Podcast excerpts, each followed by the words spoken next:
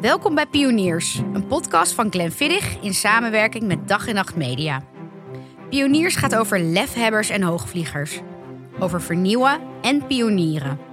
Glenn Viddig doet het sinds 1887 en is het merk dat de single malt whisky introduceerde. In deze aflevering spreek ik met Merel van Helsdingen en Gijs Determeijer. Merel bedacht Next Museum, het eerste museum in Nederland dat zich volledig richt op mediakunst. En Gijs is mede-founder van productie- en fotobureau Halal.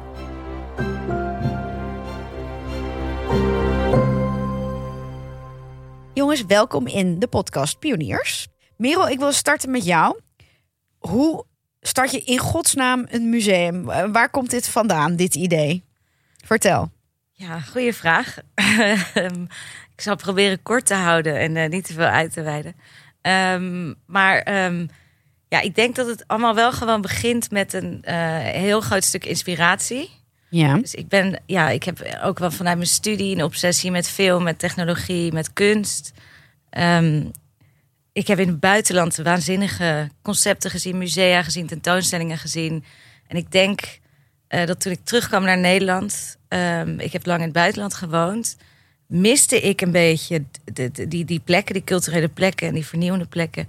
Ja. En toen had ik toch wel ergens ondernemersbloed heb ik in me, behoorlijk Ja. wat. ja. En dan denk je niet van, nou, eh, ik ga er naar op zoek in het buitenland. Dan denk je, ik ga het gewoon zelf doen. Ja. ja, Eh, Want jij hebt, eh, jou, je hebt een hele ondernemende familie die ook allemaal dingetjes zelf ontplooien. ja, ja, redelijk ondernemende familie. Van self-driving cars tot aan eh, grote Precies. projecten. Dus Ja. het zit er al wel sinds kleins af aan in dat je gewoon zelf op pad gaat, zelf je vragen stelt, creatief denkt. Ik werd altijd meegenomen naar van allerlei projecten. Ja. Met de paplepel ingegoten. Ja, nou ja, ja, ik heb wel lange tijd toch ook bij corporates gewerkt. Want ik vond zelf ook wel dat ik gewoon moest leren. Ja. En ik denk dat het heel veel met zich, heel veel waarde meebrengt. Als je zelf een bedrijf hebt, dat je gewoon wel weet Ja. hoe je processen opzet. eh, hoe je, ja, toch wel wat de benefits zijn als je, een, eh, als je ergens werkt waar je eh, harder van gaat werken. Wat je inspirerend vindt, wat je dealbreakers zijn.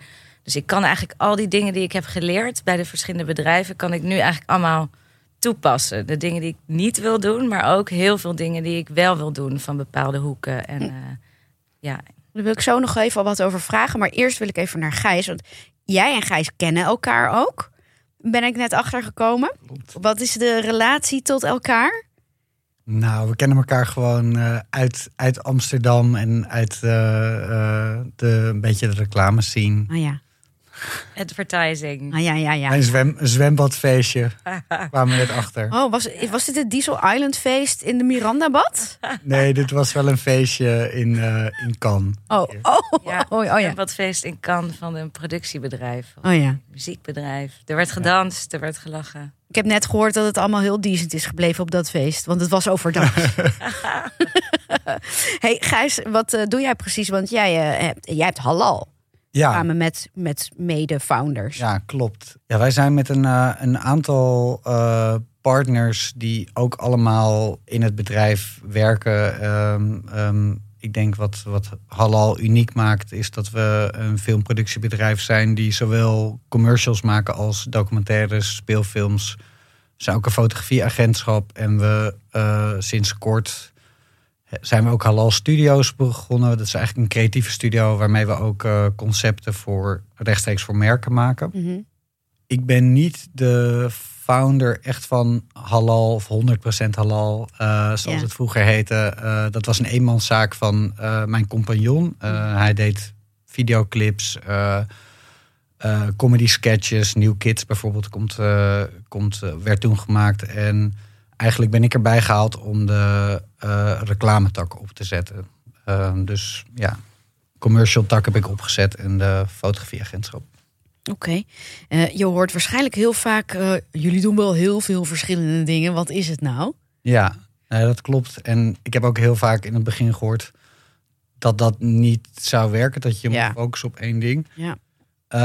Daar ben ik het op zich ook wel mee eens. Maar als je met meerdere partners bent, denk ik wel dat je het kunt doen. Want Ja. wij zijn, we zijn begonnen met, eh, met drie jongens, Gijs, Roel en Gijs. Dus eh, Ja. makkelijk te maken. en wij hadden echt heel duidelijk drie verschillende eh, krachten. Ik ben heel erg iemand die tegen een berg oprent, of eigenlijk al over de berg heen rent. En dan was er een andere partner, Roel, die misschien iets meer een soort van anker was en wat rustiger. En eh, oké, ik kan het allemaal wel. En, ehm, eh, en Gijs was meer zakelijk, die het eh, allemaal in check hield. Ik ben bijvoorbeeld zakelijk echt extreem slecht. Mhm. Dus eh, Defineer extreem slecht. Waarin uitzicht dat? nou ja, ik ben gewoon helemaal niet goed in eh, contracten lezen. Of, eh, nee, nee. Nou, kan ik me ook wel gewoon- kan ik me voorstellen hoor. Ja, maar dat is wel een heel belangrijk onderdeel van Ja. productie. Dus ehm, Van elk bedrijf. ja, van elk bedrijf. Nee, en dat is de, soms wat ik ook wel denk van als mensen in hun, in hun eentje een bedrijf beginnen en je moet, je moet al die dingen eh, zelf doen. Dat, eh, dat, is, dat is gewoon, ja, dat lijkt mij best wel heftig. Ja. Wij hebben gewoon heel erg eh, verschillende krachten en vers- verschillende dingen waar we sterk in zijn. En we hebben ook allemaal niet, we zouden allemaal niet datgene wat de ander doet liever willen doen. Ja, Dus bijvoorbeeld, eh, een van mijn partners doet speelfilms. Nee, dat duurt soms zeven jaar, eh, van begin tot einde. ja, Ik ja. heb die aandachtspannen niet. Eh, Nee. Olivia, mijn andere partner, doet documentaires. Misschien twee jaar. Ik doe commercials. Jij wil gewoon Meestal sneller resultaat. Ja. kan me wel. ja, nee, ik zit een beetje op jouw level als ik Ja. het zo hoor. Maar het klinkt alsof jullie al heel snel een hele goede balans hadden gevonden. Ja. Ehm, en, en ieder zijn eigen discipline binnen het bedrijf. Waardoor je ook beter op je eigen eilandje kan opereren en dat een beetje kan bewaken. Ja. Merel, wij kennen elkaar ook. Eh, dus Zeker. Merel en Gijs kennen elkaar.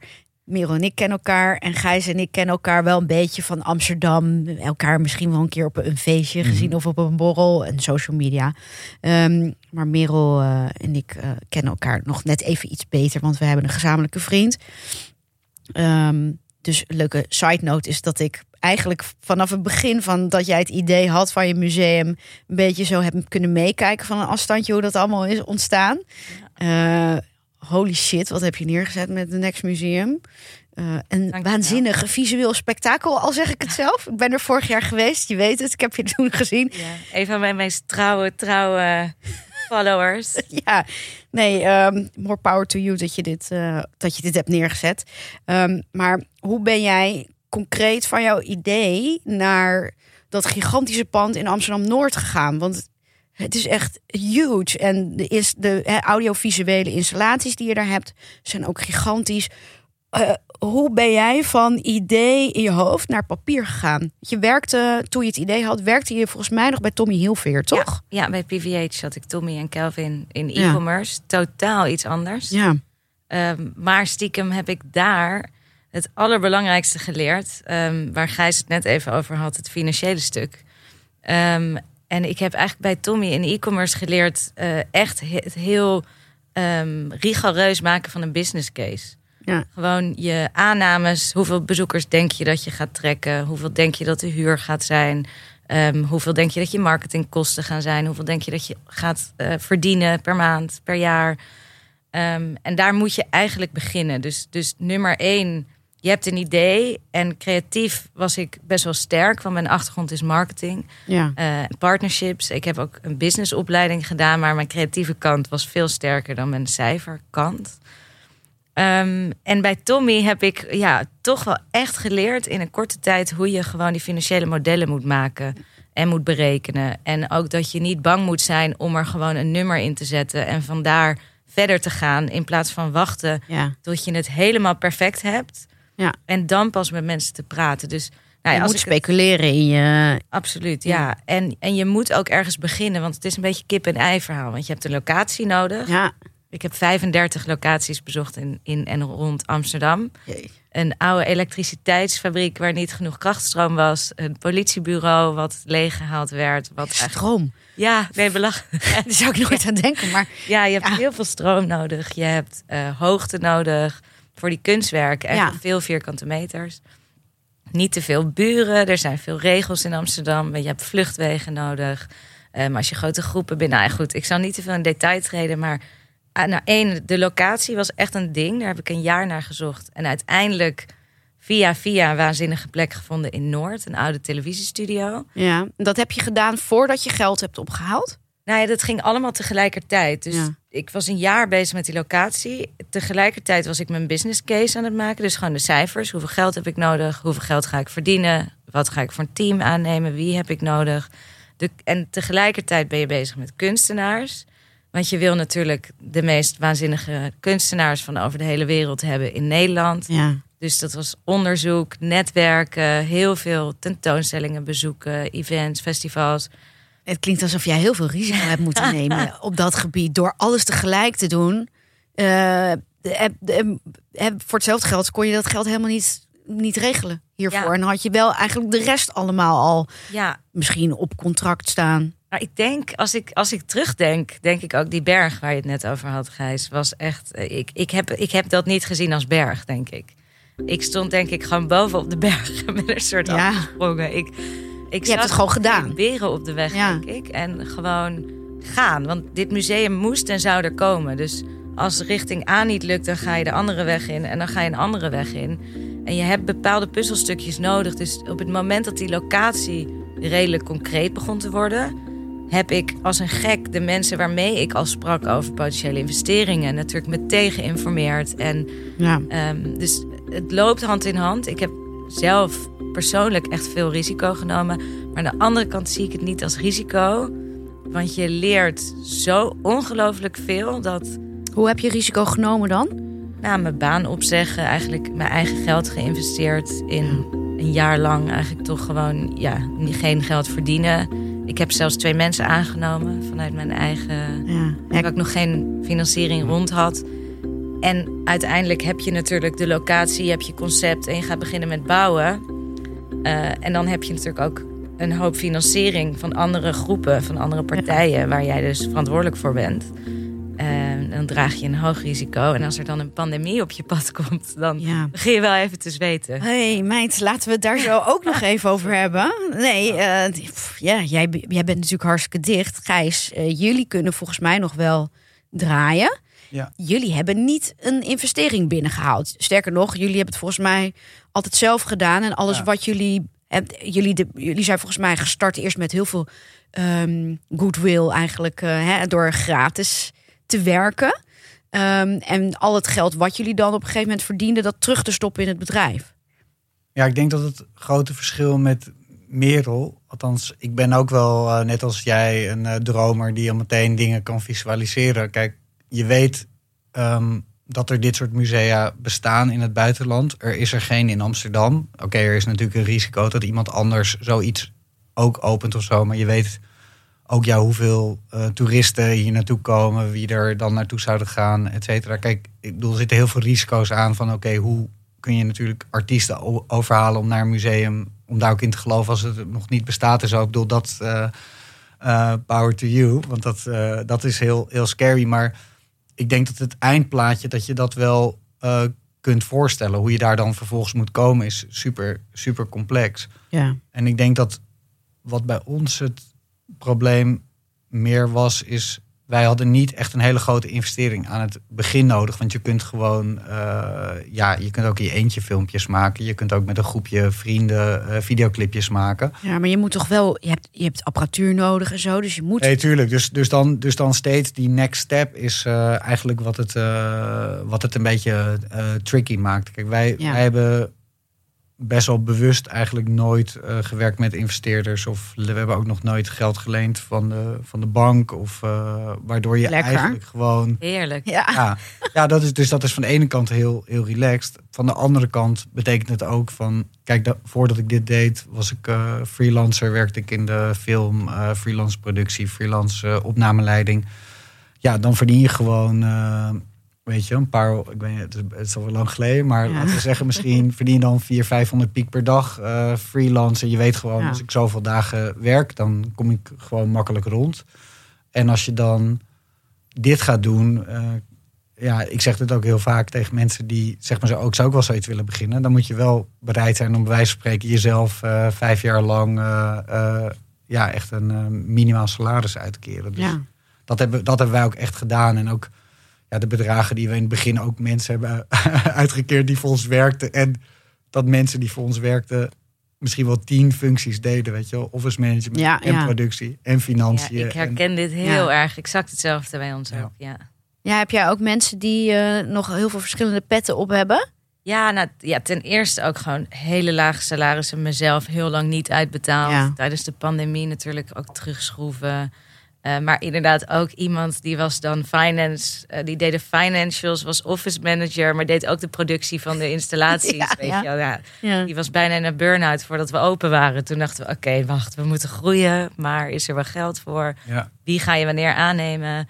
Dus heel veel dubbelrollen ook. Ja. Terwijl je- nu echt wel minder zo is. Terwijl jij vanuit je ervaring eh, heb, heb- in de corporate wereld, eh, evenals de mensen die ondernemen in jouw omgeving, juist wel, daar wilde ik dus nog op terugkomen, dus het is een leuk haakje. ehm, juist wel heel goed inzicht hebt in hoe je dat het beste kan uitkristalliseren zonder dat het eh, problematisch wordt door de juiste mensen op de juiste plek te zetten. Ja, nee, nee, zeker. En ik had ook wel het lange termijn plaatje best wel duidelijk. En natuurlijk is dat inmiddels natuurlijk al vijf keer veranderd. Maar die lag er. Maar het is eh, financieel gezien heb ik ook geleerd bij een start-up die failliet is gegaan waar ik heb gewerkt. Die hebben er 14 miljoen pond doorheen gejaagd in twee jaar. Ja. Die waren zo snel gegroeid. En die hadden twee mensen op HR, weet je wel. Die hadden, die hadden drie legal eh, support, weet je wel. De- terwijl we nog niet eens geld verdienden. Dus ik heb daardoor wel geleerd... opeens 80 mensen in het technische team. Dus ik heb geleerd van oké... allerbelangrijkste is dat je niet te snel te veel mensen gaat aannemen. Ja. Ehm, want, want dat is gewoon echt een hele grote kostenpost. Ja. Eh, maar er, is natuurlijk ook wel een balans. Wat ik nu vooral merk, nu we iets, ehm, ja, iets groter worden, iets stabieler zijn en wat minder start-up zijn. Er, het is ook heel belangrijk ehm, het anti-burnout traject, het eh, nurturen van je personeel. Ja. En daar ben ik op een gegeven moment echt tegen aangelopen. Dat we echt een aantal mensen hadden die zeiden: Oké, tot hier niet verder. Want we doen te veel, we werken te hard. eh, we vinden het zo gaaf. Er is zoveel energie in het bedrijf. We willen bijna, bij wijze van spreken, elk weekend werken. Ja. Maar ik kan gewoon niet meer. Dus ja, ik, heel eerlijk als ondernemer is dat ook wel iets wat je echt moet leren. En ik ben zelf echt een workaholic. Dus ik had gewoon oogkleppen ook op ja. voor het feit dat je af en toe gewoon moet zeggen: Oké, heel even de rem erop. En we gaan nu wel iemand aannemen voor deze rol. Of dus wel het iets meer specialiseren. Dus ik, ik vind dat een van de ja, moeilijkere dingen die ik nu tegenkom Ja. in het traject. Grap- grappig dat je dat eh, zegt. Want ik ken ook ondernemers die dat dus niet doen. Maar die zijn eigenlijk de groei van hun eigen bedrijf aan het remmen op die manier. Maar over groei van bedrijf gesproken, Gijs. Nog even, hoe, hè, hoe zijn jullie op het punt gekomen waar jullie nu eh, staan? Want ehm, jullie zijn heel klein begonnen. Als, als- iemand is als eenmanszaak eigenlijk 100% halal gestart. En toen waren er op een gegeven moment drie mensen. Nu is er ook een vrouw bij, Olivia. Ehm, nu doen jullie heel veel verschillende dingen. Ehm, op het moment eh, dat, het, eh, dat het ging groeien, moeten er waarschijnlijk ook obstakels op de weg eh, zijn gekomen. Ja, er zijn. eh, The road to success is paved with failures of zo. Is, Ja. dat, eh, is dat het niet? Nee, kijk. ja, nee, de, de, de groeipijnen zijn, hebben we echt enorm veel gehad. Kijk, wij hebben best wel intuïtief soms sommige stappen genomen. Bijvoorbeeld, we hebben een kantoor in eh, Berlijn geopend eh, drie, vier jaar geleden. Ja. En een appartement, toch? Ja, hadden, Waarvoor, waarvoor is dat appartement, vroeg ik me af. Nou ja, omdat ik, ik- nou ja, bijvoorbeeld, ik, ik, ik was er best wel veel. En ehm eh, het was ook een beetje de gedachte van, nou ja, als regisseurs daar dan eh, naartoe gaan. Ja, oh ja. Eh, eh, Ja. Er werkte een producer uit Nederland. En het was ook een beetje om, om het makkelijker te maken voor mensen uit Nederland om dan even daar te werken. En dat je niet elke keer hotels. eh, ik bedoel, dat is gewoon een rekensom dat een appartement Oh ja. gewoon goedkoper was. Maar dat maakte. Dat is dus bijvoorbeeld ook zoiets wat ik misschien niet zo goed had doorgedacht. Want als je er dan, daar dan bent, ben je dus 24 eh 7 samen met de mensen met wie je werkt. En ja, oh ja. ik had dat dan bijvoorbeeld met ehm, ja, een van mijn eh, eh, executive producers die daar de tenten runde. Dus dan werd je zeg maar 's ochtends wakker of dan ging misschien iemand sporten. En dan begon je gewoon vanaf dat moment met elkaar te praten over... misschien moeten we dit doen, misschien moeten we dat doen, misschien moeten we zus. En dan ging Ja. je er s'avonds nog samen eten of misschien met een klant eten. En dan s'avonds daarna ging, ging het nog door, ging je nog wat drinken. En eigenlijk pas als je dan de slaapkamerdeur dicht deed, was het gewoon klaar. En dat is je zo, ah, zo best, wel, best wel heftig. Maar wat ik eigenlijk vooral bedoel is, ehm, ja, met dat soort stappen dan, eh, ja, dat is gewoon heel. Kijk, mijn, bij mijn business, dus in tegenstelling tot, tot, eh, tot het museum, waarvan je waarschijnlijk wel kunt inschatten, oké, er komen zoveel honderd of zoveel duizend mensen per dag, eh, die betalen dit. Eh, ik ben natuurlijk verantwoordelijk van of iemand met een aanvraag voor een commercial naar mij toe komt. Ja. En eigenlijk, dat was zeker in het begin soms best wel heftig, want dan maakten we een jaarbegroting van oké, in maart doen we twee grote commercials. In eh, april eh, één, in eh, juni vier, weet je wel. En dan... En ik was dan zo, ja, ik moet die klussen allemaal binnenhalen. Dus, maar ja, ik kan niet zelf bepalen dat reclamebureau X mij die opdracht geeft. Weet Ja. je, wij maken natuurlijk niks zelf. Zelfs met aanvragen voor speelfilms en documentaires is, je weet gewoon niet of wat je ontwikkelt, of dat gehonoreerd wordt en of dat geld dan binnenkomt. En, maar je moet wel het personeel erop aannemen. Dus ja, Maar dat, wacht, hoe, zit, hoe zit dat? Is het dan dat je dan eerst gaat maken en dan hoe, hoe werkt dat met de financiën dan? Nou, bij, bij speelfilms en documentaires is het wel iets anders. Want je, je gaat allemaal door verschillende fases. Dus je, nou goed, iemand verzint misschien een idee. Oké, dat daar krijg je geen geld voor. Maar om dan een idee te ontwikkelen tot een, eh, tot een eerste fase van een scenario, daar, daar kan je wel al een aanvraag voor, voor doen. En dan van je scenario tot realisering kun je ook weer een aanvraag doen. Mhm. Dan zoek je er op een gegeven moment een, een omroep bij, et cetera. Dus dan. Dus het gaat wel in eh, stapjes. Dus het risico financieel is niet zo groot. Maar je moet wel. eh, ja, ga je die mensen dan freelance inhuren per klus? Ja. Of heb je eh, vaste mensen? Heel veel mensen in de film werken freelance. Dus dat is wel lekker. Eigenlijk de beste mensen zijn freelancers. Niet alleen van crew, maar ook van producers. En daardoor heb je die burn-out eh, rate. Ik weet niet of dat een woord is. Het klinkt echt verschrikkelijk als Ja. nou zegt de burn-out rate van mijn Ja. bedrijf. Maar, maar, maar kijk, producties zijn gewoon verschrikkelijk heftig. Eh, je kan het eigenlijk niet heel relaxed doen. Dus Wa- is het Waarom niet? nou ja, omdat, omdat het gewoon is van... eh, Oké, stel je moet over drie weken... moet je deze, de- deze commercial draaien. Oké, we zoeken een, een, eh, een circus stand. Eh, Ja, om maar wat te eh, noemen. ja, en dan, Ja. oké, maar waar, waar staan die op dat moment? Moet je dat gaan uitzoeken? Oké, hebben we daar dan een vergunning om te draaien? En, vergunningen moet je zo lang van tevoren. Stel je gaat met kinderen draaien, dan heb je ontheffingen nodig. Dus er zijn heel veel stappen die je moet nemen voordat je kunt gaan draaien. En dat, ja, dat moet allemaal op een bepaald moment. Terwijl als je dan weer voor een klant werkt, moeten ook al die dingen weer goedgekeurd worden. Weet je wel? Ja. Is dit de cast die eh, de klant bij eh, zijn of haar merk vindt passen? Nou, dat soort, al die stappen kosten tijd. En daar heb je eigenlijk nooit genoeg tijd voor. Dus wat je heel vaak ziet is dat ja, producers die, die rammen gewoon in vier weken door. En dan als ze freelance zijn, nemen ze daarna gewoon twee, drie weken vrij. Ja. Dat, dat is dus uiteindelijk eh, best een relaxed leven. Want in, over het hele jaar gezien ben je misschien wel drie, vier maanden vrij. Ja. Maar mensen in vaste dienst hebben natuurlijk dan de neiging om eh, te hard te werken. Ja. En heb je dan heel veel personeel nu? Eh, of, of, gebruik je nog steeds heel veel freelancers? We hebben best veel personeel. Eh, we zijn met z'n dertigen ongeveer op dit Ja. moment. Maar, maar eigenlijk zijn we ook vijf kleine bedrijfjes. Dus Ja, een documentaire productiebedrijf. Daar zitten een team van vier, vijf mensen. Fotografie, vier mensen. Commercials, zes mensen. Dus je hebt zeg maar al die, al die takjes op zich zijn best klein. En die zijn heel makkelijk op te schalen met freelancers. ja, eh, ja, ja, precies. Dus je kan het aanvullen waar nodig. Ja.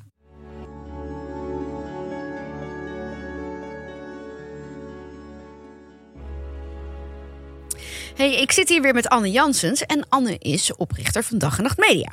Ja, klopt Ginny. En leuk eh, om weer samen hier met jou te zitten in Ja. deze midrol. Vind ik ook. Hey, jouw gasten deze aflevering hebben alle twee iets opgericht in de kunst- en cultuursector. Nou, dat is dan niet bepaald een sector die het even makkelijk heeft gehad tijdens Nee. corona de afgelopen periode. hè? Nee, zeg dat wel. Die zijn natuurlijk weer heel lang op slot geweest. Eh, zo ook het Museum van Merel. Ehm, maar eh, vanaf vandaag zijn er weer wat versoepelingen. Dus laten we hopen dat ze snel weer open mogen allemaal. Dat gaan we hopen, ja. Want, Ja. eh, maar net als eh, de cultuursector de afgelopen tijd gaat ondernemen, niet altijd over rozen. Dat Nee. weet jij ook. Ja. Je komt nogal wat obstakels tegen. Dat blijkt ook weer uit de verhalen hè, van de pioniers, deze Ja. aflevering. En zoals je ook weet, wil Glenn jou inspireren met deze aflevering om je idee of je droom achterna te gaan. Ja. Maar het is wel zo goed om eerlijk te vermelden, er kunnen op, obstakels op de weg verschijnen. Ja, kunnen, die gaan er Die sowieso komen. Ja, ik Heb, heb, jij er één? Wil Ja, jij eentje delen? Ja. Deel ik er ook één. Oké, dat is goed. Ehm, ik kan en heb wel vaker te lang met iets in mijn hoofd rondgelopen. Ehm, in plaats van hè, wat Selma Seddik van In Stok in een eerdere aflevering heeft gezegd. Die zegt van ja, haal het idee uit je hoofd en hè, breng het naar papier. Zorg dat er iets gebeurt. Eh, en ik persoonlijk kan nog wel eens dus hè, te lang eh, gaan nadenken van hoe ik het dan moet gaan aanvliegen. Ehm, en het dood beredeneren, waardoor ik uiteindelijk heel veel redenen heb gevonden om het uiteindelijk niet te doen. Ga je het van zoveel hoeken aanvliegen dat er altijd wel eentje ergens neerstort en denkt van ah, dat kan niet. Ja, precies. Kan niet. Ja. Dus eh, dat is eigenlijk heel zonde. Je wat ik heb? Ja, ik wil, ik wil net zeggen, jij Ja. hebt er ook eentje. Vertel.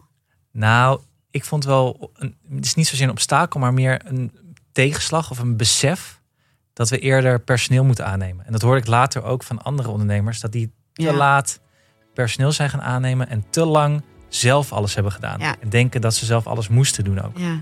Ondernemers zijn wel een soort doe-het-zelvers. Maar ja, wat gebeurt er als je, als je dat het te lang uitstelt? Nou, wat vervelend is, is dat je dus nooit op vakantie kan eigenlijk. Nee, precies. Omdat je onmisbaar bent. Of Ja. denkt dat je onmisbaar bent. Ja. En eigenlijk belemmer je jezelf ook om te groeien. Of je belemmert je bedrijf om te groeien. Ja. Misschien ook wel jezelf trouwens. Ja, je vertraagt, je vertraagt het proces alleen maar. Je moet het ook een beetje uit de handen durven te geven op een gegeven moment. Ja. En dat is moeilijk. Nou, dankjewel Anne voor je insights Graag weer. gedaan. Graag gedaan. Eh, terug naar de podcast, terug naar pioniers. Merel, het viel eh, net al een beetje tussendoor, maar we zitten natuurlijk in deze pandemie. Ehm, en eh, we komen weer langzaam uit een lockdown. Jouw museum is vorig jaar geopend. Fantastisch. Ehm, ehm, en op het moment eigenlijk dat het een beetje begint te lopen, eh, moet alles weer dicht. En toen mocht het weer even open met tijdslo slo tijdslotten, tijdsloten. Ik weet niet hoe je dit zegt. Met, eh, nou ja, gewoon Tijdsloten. tijdsloten. Dat is perfect. Ja. En toen moest het weer dicht. Eh, hoe is dat voor jou als ondernemer? Ehm, en hoe kom je in godsnaam met een hè, in de kunst- en cultuursector met een audiovisueel museum deze eh, pandemie door? Ja, nee, dit was wel de, de, denk ik de grootste rollercoaster van mijn leven. so Ja. far. Ehm, we, we, we hebben eigenlijk een aantal voordelen gehad aan het feit dat we open gingen in, terwijl er een pandemie gaande was, maar natuurlijk ook een hoop nadelen. Ehm, eh, we waren al aan het bouwen, we zaten al in de locatie, we hadden al de kunstenaars gelokt. Ik had het team al redelijk eh, opgebouwd. En toen kwam in één keer 10 of 13, wat was het, 11, 12, 13 maart 2020. Ja, toen we, toen, ja, toen Dus- we dachten dat het nog een paar weken zou Ja. duren. En het was nog even de vraag van, oké, gaan we, want we, we zijn nog, we hebben nog geen merk, weet je, we zijn er nog niet. Gaan we nu wachten tot deze pandemie voorbij is? Toen wisten we natuurlijk helemaal niks nog. Ja. We dachten, dit duurt een paar maanden. Ehm, en even wachten. En dan, als we weten dat het voorbij is, weer verder bouwen. Misschien wel december, januari 2020, 2021. ja, little did we know. Of gaan we verder? Dus we hebben daar business case van gemaakt en, en, en, en een analyse op losgelaten. En uiteindelijk toch ehm, ook wel een beetje met intuïtie gedacht: nee, weet je, we gaan gewoon door. We hebben zoveel dingen klaarstaan. Eh, het team wat aan het bouwen is, die hadden zelfs gezegd: eh, als we in een hard lockdown gaan, dan leggen we hier matrasjes neer en dan blijven we gewoon doorbouwen. Ehm, Wel loyaal eh, Ja, personeel heb je volgens ja, die waren echt gek, waren zij. Ja. Ja, dit waren de, de, de bouwers eigenlijk. Die alle muren, wanden, akoestische afwerking, et cetera. Ehm, nou goed, dus we zijn doorgegaan. En we konden uiteindelijk een aantal maanden later, dus eind augustus, open. Ehm, en het voordeel wat we hadden is dat we in alle contracten, dus dat legal stuk, wat ongeveer 80% van mijn leven was toen, Mhm. Ehm, hebben we coronaclausules in kunnen bouwen. Dus in tijden van lockdown kun je bepaalde regelingen treffen, nog voordat je het contract aangaat met leveranciers. Met kunstenaars, met personeel. Weet je, we konden iedereen op nul uren contracten aannemen die we aan gingen nemen. We hebben heel veel kunnen, de, de, de burn rate, eh, die hebben we best wel in de hand hebben kunnen houden tijdens lockdowns, omdat we met onze kosten konden spelen, omlaag konden schalen. Dus dat was een groot voordeel. En Ja. het andere voordeel was dat er natuurlijk helemaal niks gebeurde, eigenlijk, in die maanden. Ja. Want niemand ging ineens met een nieuw museum, een nieuwe expositie of dingen open. Dus toen wij open gingen, hebben we ongelooflijk veel pers, eh, veel ja, visibility gekregen. En heel veel lokale mensen die dachten: hier wil ik heen. En ik wil even uit deze ellendige eh, wereld stappen en Ja. in een andere wereld belanden. Ja, een, so- een soort die, de realistische versie van de metaverse ben je Ja. eigenlijk. Ja, ja dat Ehm, de bridge. ja, Ja, dus, dus we hebben ook echt wel grote voordelen gehad ermee. En indirect ook een lokale community kunnen opbouwen. Dus echt een groep mensen die echt gewoon ook vaak terugkomen en komen naar de artist talks die we doen, eh, NFT talks, educatieve programma's. En ik denk die business case die er lag voor de pandemie, daar zaten natuurlijk ook hele grote groepen toeristen in. Ja. Eh, ik ging er natuurlijk ook wel vanuit dat wij die bussen met Amerikanen en Chinezen zouden binnentrekken. eh, die natuurlijk allemaal nog nooit zijn gekomen. Maar dat is ook wel een geluk bij een ongeluk, omdat je echt een hele sterke, ja, toch wel lokale community bouwt. Ja. En je echt ehm, ja, ook wel veel educatieve dingen kan doen en ruimte hebt voor eh, pu- public programming. En niet Ja. alleen maar gewoon bezoekers er doorheen knallen. nee, dat klopt. En jullie museum leent zich ook goed voor eh, activaties. Dus met ADE hebben jullie natuurlijk ook veel DJ's gehad. Ja, dat was Mm. echt mijn droom. Ja, ja. Ja, ja Ehm. ik, ben- ik heb nog nooit een ADE gemist in mijn leven. Ehm, als eh, bezoeker of als eh, delegate toen ik in de muziekindustrie werkte. Maar ik moet zeggen, om je eigen fysieke event te organiseren met eh, een waanzinnige line-up en eh, visuele kunst, waar je echt in de kunst aan het dansen Ja. bent. ja. Dat was echt een, ja, echt een droom, ja. Gijs, ben jij al een keer in het Next Museum geweest? Ja, zeker. Ik was op de opening. Oh, kijk. En eh, ja, ik, ik, ik, kan me wel voorstellen dat het eh, inderdaad wat je zei over die PR, weet je wel, het was echt overal, iedereen zag het. Dus dat was wel echt heel erg fijn. En ik denk inderdaad ook dat, ja, je hebt gewoon eigenlijk een soort hele lange generale repetitie nu. Ja. ja. Ik bedoel, ik eh, benijd eh, je financiële... Dure generale zorgen, zorgen, zorgen niet hoor, dat, dat lijkt me verschrikkelijk. Maar het is wel, ja, je kunt wel natuurlijk goed zien, oké, wat is dan de, de flow, weet je, hoe, met hoeveel mensen die je binnenlaat, is het nog, eh, is het nog leuk en dat soort dingen. En ehm, ja, Ja. Dat, heb je dan, dat heb je dan alvast gehad. ja. ja. Ik kan me wel voorstellen dat je weer opnieuw heel creatief moet gaan zijn de aankomende tijd als alles weer open gaat. Want je moet weer toch ook wel weer opnieuw laten zien dat je er bent. Ja, en concurreren met alle Ja. instanties die weer open gaan. Ja. Dat was in juni, vond ik dat, eh, dat was dat ineens echt een heel ander verhaal. Toen we weer open gingen, 5 juni, had, gingen natuurlijk alle terrassen open. Er waren weer feesten aan de gang. Het is warm buiten. Weer reizen, het was 30 graden. Ja. Alle musea hadden een nieuwe waanzinnige collectie. Dus toen eh, zag het er anders uit dan die hele goede bezoekersmaanden eh, eind 2020. Ja. Maar toch zijn er zoveel mensen die, ja, die echt wel graag het museum hebben willen zien. Dus dat is echt wel eh, in de zomer en einde jaar weer ging het weer helemaal los. ja. Eh, rain or shine. Ja, Gijs, eh, die pandemie is waarschijnlijk voor jullie ook niet makkelijk geweest. Want heb, eh, producties ehm, die, die hebben on hold gestaan volgens mij in 2020 toen we de, eh, in de eerste lockdown zaten. Toen was het natuurlijk allemaal nog heel spannend wat het virus precies was. Dus volgens mij werd er heel veel echt gewoon neergelegd. Inmiddels eh, kunnen producties vaak wel gewoon doorgaan eh, als we anderhalf meter afstand houden en eh, testen op de set en dat soort dingen. Hoe zijn jullie daar doorheen gekomen? Hoe zijn jullie ermee omgegaan? Heeft het ook wat financieel echt voor jullie gedaan op, op een negatieve manier? Nou, het was. Kijk, alles ging full stop.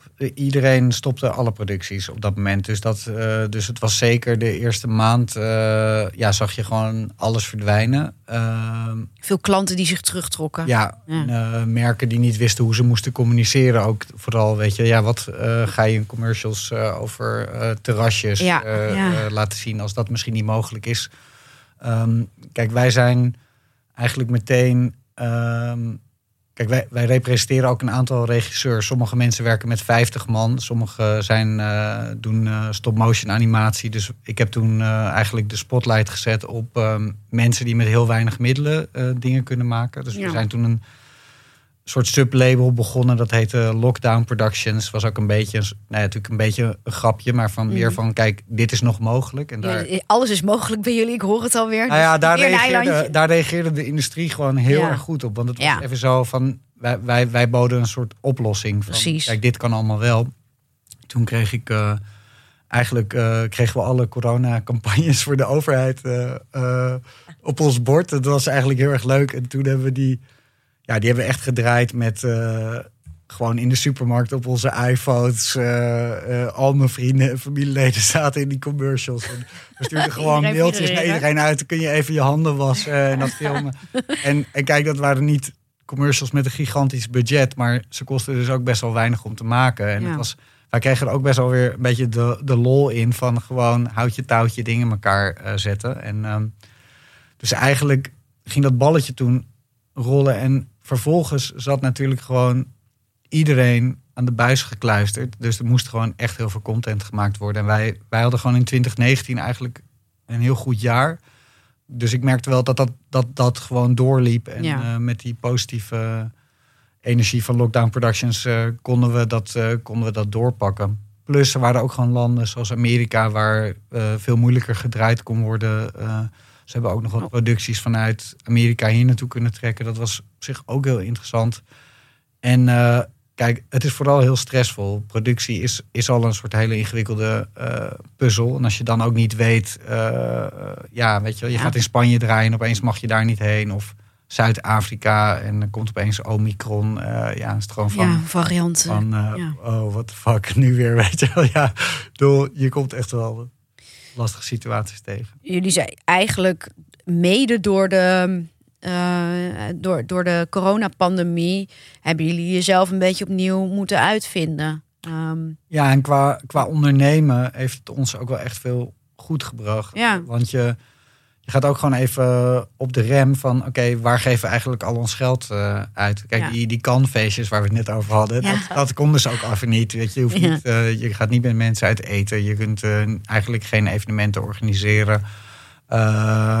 Ja... eh, Door al je abonnementen heen gaan. alle al die ab- Ja, ja. subscriptions. alle subscriptions gestopt, inderdaad. En even ook kijken van, nou ja, goed. Plus ook mensen die thuis werken, weet je, van eh, Ja. we hebben dat kantoor.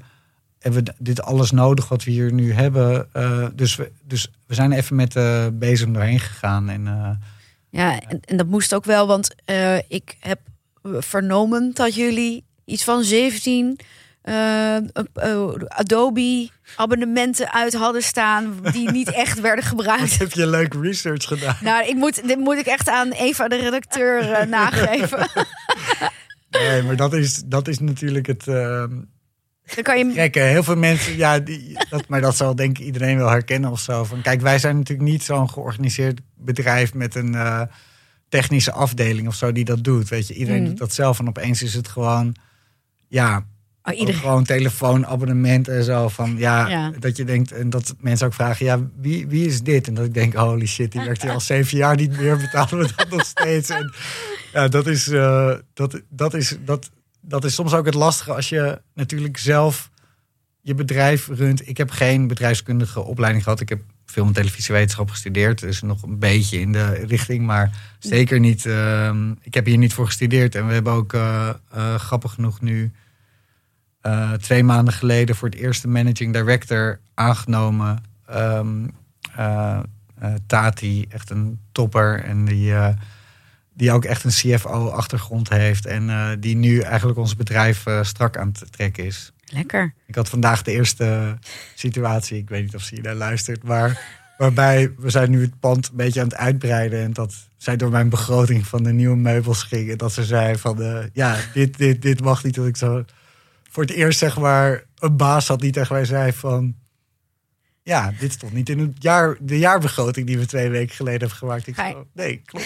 Ga je er dan als eigenaar, mede-eigenaar overheen? Of- Nee, nee, nee, dat, dat doe ik, nee, dat doe Ik wil echt die bank. Nee, dat doe ik echt bewust niet. Want kijk, Ja. ik, wil, ik wil juist. eh, kijk, wij hebben haar aangenomen om, om ons bedrijf te, te runnen. En eh, Ja. Eh, dan moet zij ook die, eh, dat mandaat krijgen natuurlijk. Dus eh, ik, ja, weet je, ik, ben, ik kan gewoon doen waar ik, waar ik goed in ben. En dat is, weet je wel, nieuwe regisseurs vinden, regisseurs koppelen aan, aan opdrachtgevers. En dan laat ik haar gewoon, zij is verantwoordelijk voor de jaarbegroting. Dus dat, Ja, dan ga je- ja, luister ik ook wel. Toch weer die financiën die jou niet helemaal... Ja, ik geef. Ik ben niet geboren met een gouden lepel in mijn mond, maar ik, ik geef gewoon niet zo heel veel om geld. Ik bedoel, daarom, daarom doen ja, het is een middel. Ja, wij, daar Ja. maken wij ook gewoon, weet je wel, veel. Ja, videoclips verdien je natuurlijk geen geld mee. Documentaires verdien je ook niet per se heel veel geld mee. Nederlandse speelfilms verdien je ook niet per se heel veel geld mee. Ik bedoel, als wij alleen maar commercials zouden maken, dan zouden we natuurlijk een, eh, zouden we een ander plaatje Ja. hebben dan. eh, Ja, maar daar gaat het je niet Nee. om. Nee. Nee. Merel, eh, hoe heb jij jezelf eh, heruitgevonden voor eh, de toekomst?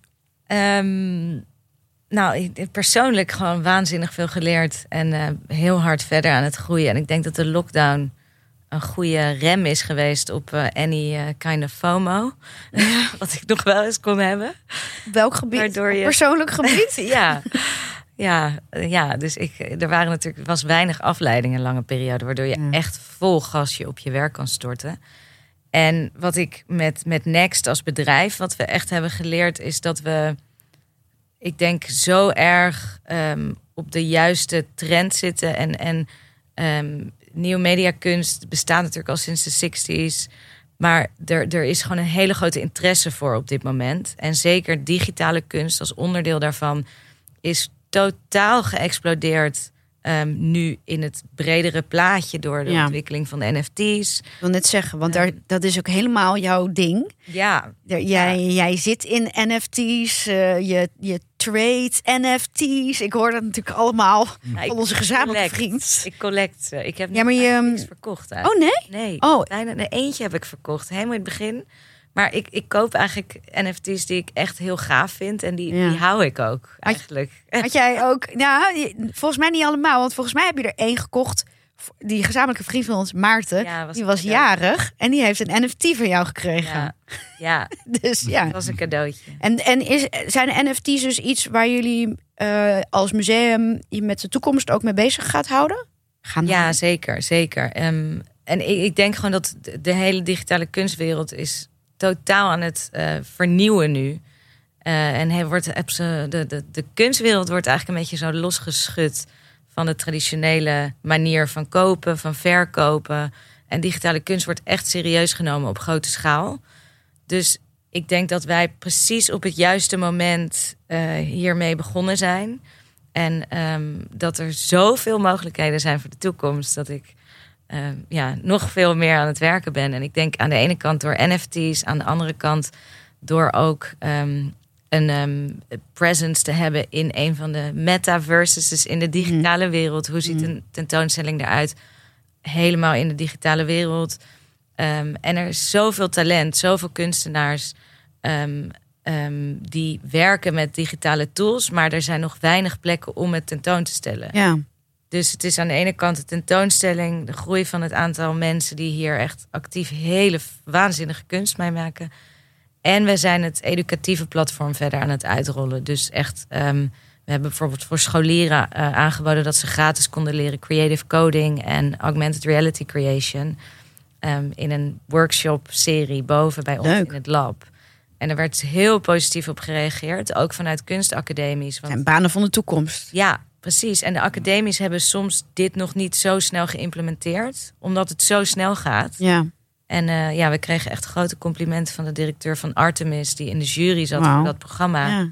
Die zei: Het duurt zo lang om binnen een ehm, grote instelling dit soort programma's te ontwikkelen, goedgekeurd te krijgen, lesprogramma's te maken, leraren, ja. et cetera. lopen ze alweer achter. Ja, en wij kunnen dit gewoon heel snel testen en toetsen. Ja. Dus, dus daar zit echt nog zoveel gaafs wat we kunnen gaan doen en waar we druk mee bezig zijn. Mooi. Ehm, voordat we aan het eind van de podcast zijn, wil ik jullie vragen om jullie beste advies voor mensen die luisteren en die willen gaan ondernemen. Ehm Gijs, take it away. Heb jij advies? Ja, ik heb hier. ehm, wij, wij hadden heel lang. ehm, vroegen we ons af van... oké, hoe ga je nou door een plafond heen? Weet je, hoe ga je van een eh, heel kort filmpje... naar een grotere commercial, naar een groter budget? Ehm, en wat ik denk dat belangrijk is, is als je ehm, eh, bijzonder werk wil maken... is dat je eh, heel veel moet investeren in vrijwerk. En bijvoorbeeld... Weet je, als je een hele bijzondere videoclip maakt voor een artiest die een groot bereik heeft en dat wordt gezien door mensen, dan valt er, wordt er misschien iemand verliefd op dat werk en dan komt er misschien een merk die jou een opdracht wil geven. Terwijl als je uh, beter bed commercials uh, uh, maakt. Of, die jullie ook wel eens hebben gemaakt. Die we ook wel eens hebben gemaakt, ja. Maar, daar, maar dat gaat je niet, denk ik, brengen tot bijvoorbeeld het krijgen van een grote Nike commercial ja. of zo. Dus okay. mijn advies, dat is mijn advies. Nou, dank je. En jij, Merel? Ja, nee, vind ik ook echt, ben ik het helemaal mee eens ook, dat advies. Um, voor mij denk ik het belangrijkste is dat als je gaat ondernemen, dat je van tevoren uh, beseft dat het eigenlijk één grote route met heel veel obstakels is. En dat de, successen zie je vaak online en op socials en, en hoor je in podcasts. Maar uh, er zijn vele malen meer obstakels dan, uh, dan successen. En dat is ook gaaf, want daar leer je van. En daar moet je constant gewoon aan werken om te gaan uitzoeken hoe je dat in godsnaam nu weer gaat oplossen. Um, en het tweede, denk ik, is um, dus heel erg flexibel zijn. Niet te veel vasthouden aan wat je had gewild of had bedacht. Want het gaat, weet je, het gaat altijd anders. En adviseurs zijn voor mij echt van ja, goeie. alles echt van levensbelang geweest. Uh, jongens, dank jullie wel voor jullie adviezen, jullie insights. En het uh, uh, vertellen van het verhaal achter jullie ondernemerschap. We zijn aan het einde gekomen van deze podcast, van deze aflevering van Pioniers. Ik wens jullie heel veel succes met Halal en Next Museum en alles wat jullie nog verder gaan ontplooien. En um, bedankt voor het luisteren, mensen, en tot de volgende aflevering. Dank voor het luisteren naar Pioniers. Binnenkort zijn we terug met een nieuwe aflevering en met nieuwe pioniers. Vond je het leuk om te luisteren? Deel deze podcast dan met anderen. En laat ook vooral bij iTunes een reactie achter. Deze podcast is een productie van Dag en Nacht Media in opdracht van Clem Viddig. Eva Essers is de redacteur, Tom Aalmoes de editor. De muziek is van Cloak en mijn naam is Ginny Ramkizoen. Leuk dat je luisterde en tot de volgende.